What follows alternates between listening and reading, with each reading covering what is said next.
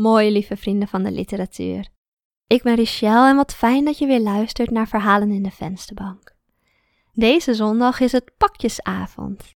En het verhaal van deze week gaat ook over mensen die pakjesavond vieren. Het gaat over een moeder, ja, wiens kinderen uit huis zijn geplaatst. En nu gaat zij met een zak vol cadeautjes op een houten bankje en ze bespioneert het pleeggezin waar haar kinderen nu wonen.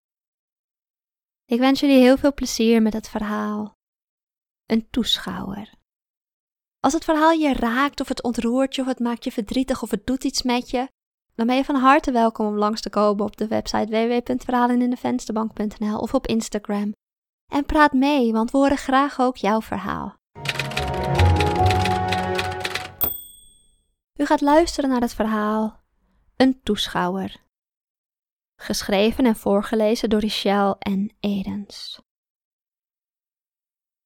Een beer. Een deken met een gele beer hangt uit het raam en wappert in de wind. Zijn gezicht is beangstigend. Ik geloof best dat hij ooit schattig is geweest, een deken voor kinderen om op te spelen of zich warm in te wikkelen. Maar nu, door het vele wassen, is het gezicht vervormd en ziet het er demonisch uit. Ik zit op een bankje, een bankje op straat tegenover het huis. Het huis. Ik mag hier niet zijn, dat weet ik ook wel. Maar het bankje staat hier zo perfect. Achter me is een park, maar het bankje kijkt niet naar het park. Het bankje kijkt naar de huizen aan de andere kant van de straat. Naar haar huis, naar hun huis. Ik lees de krant, een oude krant van drie dagen geleden.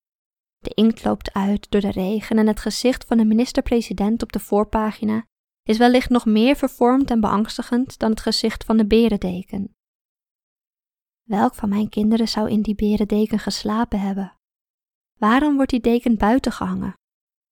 Moet het luchten of is het gewassen? Heeft ze er misschien overheen gekotst? Of heeft er iemand in bed geplast? Mijn haren plakken aan mijn gezicht. De regendruppels zijn koud en nat op mijn wangen. Het regent niet echt, het is meer een miserige mist met kleine, bijna minuscule druppeltjes. Maar toch ben ik na vier uur op dit bankje zitten behoorlijk doorweekt en verkleumd.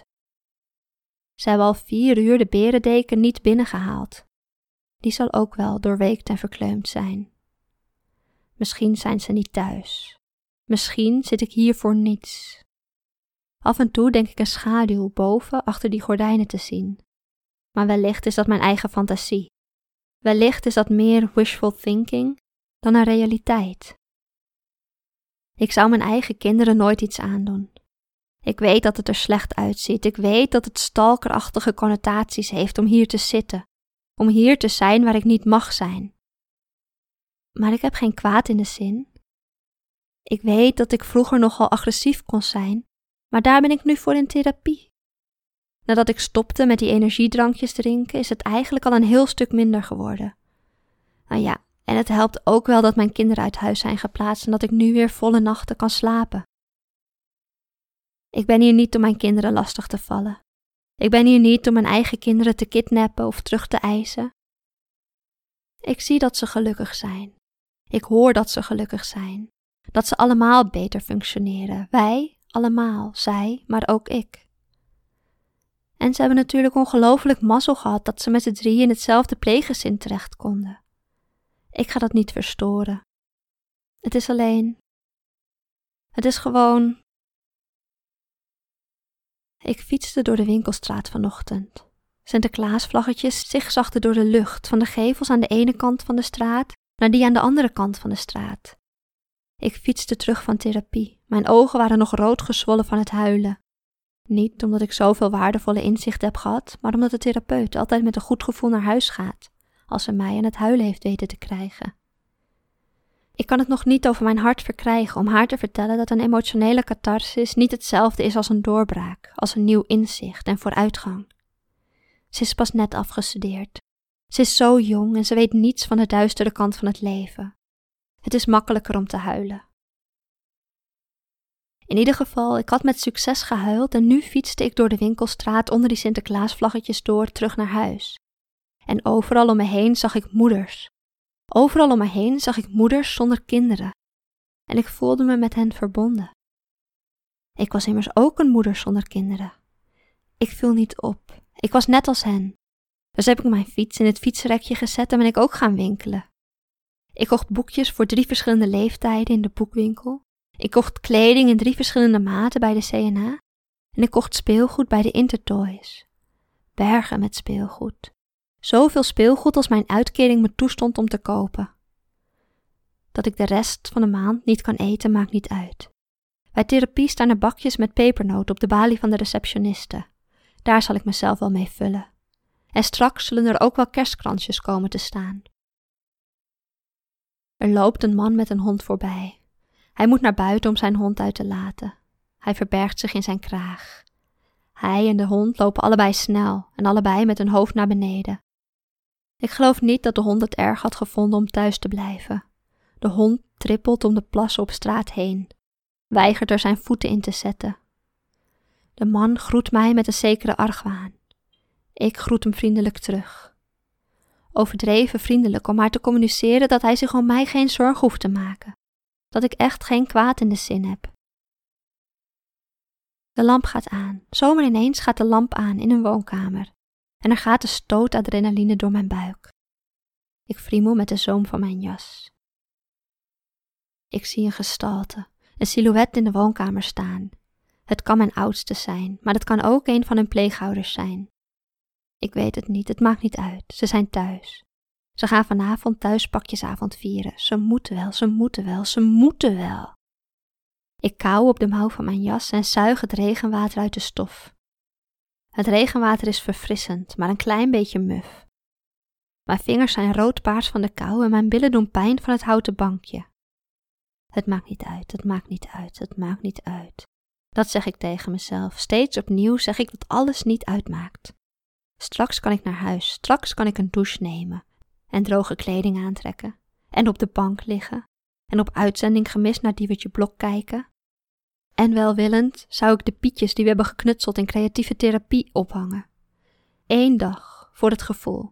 Eén dag om te laten zien dat ik meewerk. Vroeger zat ik op de kunstacademie. De mensen die het bij ons niet haalden en die vanwege een gebrek aan talent van school gestuurd werden, gingen dan maar creatieve therapie studeren. Ik heb niet heel veel respect voor de knutsels die de therapeuten ons laat maken. Maar ik zal de kinderachtige pietjes ophangen, voor één enkele dag. Steeds meer silhouetten verzamelen zich in de woonkamer. Het is ook bijna etenstijd. Ik zie een grote persoon een kleine persoon optillen en op de heup zetten. En ik beeld me maar in dat het mijn oudste is die mijn jongste optilt. Een pleegouder die mijn jongste optilt, dat zou me te jaloers maken. Te ondraaglijk jaloers. Dat zou te pijnlijk zijn. Hoewel ik mezelf blijf vertellen dat het mijn oudste is, branden mijn ogen toch en ik voel tranen opwellen.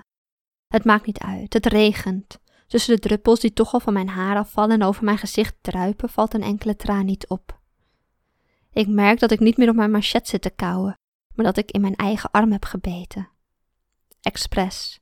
De roze afdruk van mijn eigen gebit is pijnlijk en geruststellend tegelijk. Ik trek mijn mouwen over mijn vingers heen en verberg mijn armen achter mijn rug. Zelfdestructie is agressie die naar binnen slaat. Dat zeggen ze in therapie. Het is goed dat ik niet naar binnen ben gestormd om mijn jongste uit de armen van die pleegmoeder te scheuren. Maar het is niet goed dat ik mijzelf heb moeten bijten om het te beheersen. Ik weet niet wat ze dan van me verwachten. Waarschijnlijk dat ik hier in de eerste plaats al niet zou zitten. Ze zitten nu allemaal aan tafel. Het ziet er gezellig en warm uit in hun woonkamer. Misschien vooral omdat er nog van die oude peertjes in de lampen zitten. Van die peertjes die een goudgeel licht verspreiden, in plaats van die kille blauwe spaarlampen. Of misschien zijn het niet van die oude peertjes, misschien zijn het van die hypermoderne lampen, waarbij je met je smartphone de kleuren kan bepalen. Dat ouderwetse goudgeel is dan een goede keuze geweest. Dat ouderwetse goudgeel hoort bij warme, gelukkige jeugdherinneringen. Het hoort bij een bak pepernoten op tafel en kaneelthee en een paar extra sokken aan. Het goudgele licht bewijst het. Deze pleegouders kunnen prima voor mijn kinderen zorgen. Ze zijn hier beter af dan bij mij. Thuis in mijn sociale huurfletje heb ik alleen zo'n kille blauwe spaarlamp. En misschien is die kapot. Ja, Waarschijnlijk heb ik die afgelopen keer in een boze bui kapot geslagen. Ze hebben het hier goed. Ik zal dat niet verpesten voor hen. Ik heb geen kwaad in de zin. De lucht wordt steeds donkerder. Wolken drijven stilletjes voorbij.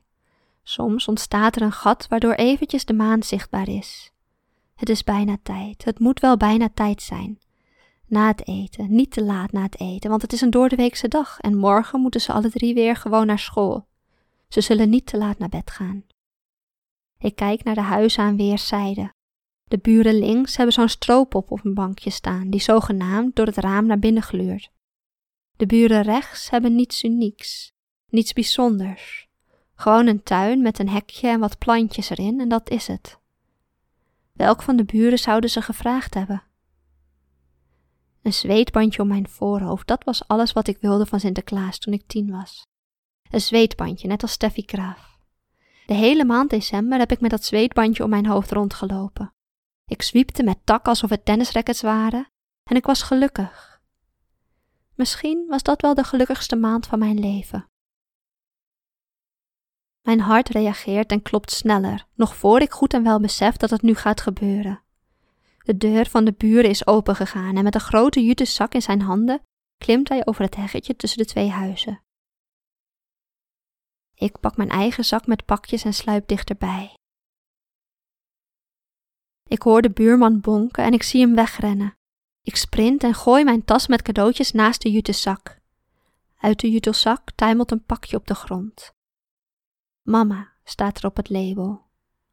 Mama, dat ben ik. Ik grijp het pakje en ren terug naar mijn bankje. Hijgend, trillend en met een wild bonkend hart zie ik de deur opengaan. En op de wind gedragen hoor ik de enthousiaste kinderstemmen, die zowel de jute zak als mijn tas de gang in zuilen. Daarna gaat de deur weer dicht. Missie geslaagd. Nu kan ik naar huis om weer op te warmen. Ik blijf zitten. Ik blijf mezelf kwellen door te kijken naar het goudgele licht en de silhouetten van de kinderen. Kinderen die mijn kinderen niet meer zijn. Het pakje voor mama ligt onaangeroerd op mijn schoot. Misschien dat ik het niet openmaak. Misschien dat ik het nooit openmaak. Nu kan ik nog geloven dat het pakje voor mij is. Dat er iets in zit dat ze speciaal voor mij hebben gekocht. Een zweetbandje, dure lampen waarvan je met je smartphone de kleur kan instellen, of canvas en echte olieverf zodat ik weer schilderijen kan maken. Een cadeau om mij gelukkig te maken. Een cadeau omdat ze weten wie ik ben. Een cadeau waaruit blijkt dat ze mij kennen. U heeft geluisterd naar het verhaal Toeschouwer, geschreven en voorgelezen door Richelle en Edens.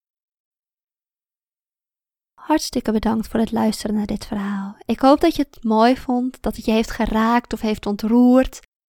En als dat zo is, dan ben je van harte welkom om langs te komen. Om bijvoorbeeld mee te praten in de YouTube comments of uh, om mee te praten op de website www.verhalenindevensterbank.nl of om op Instagram een berichtje achter te laten. Want we horen graag ook jouw verhaal.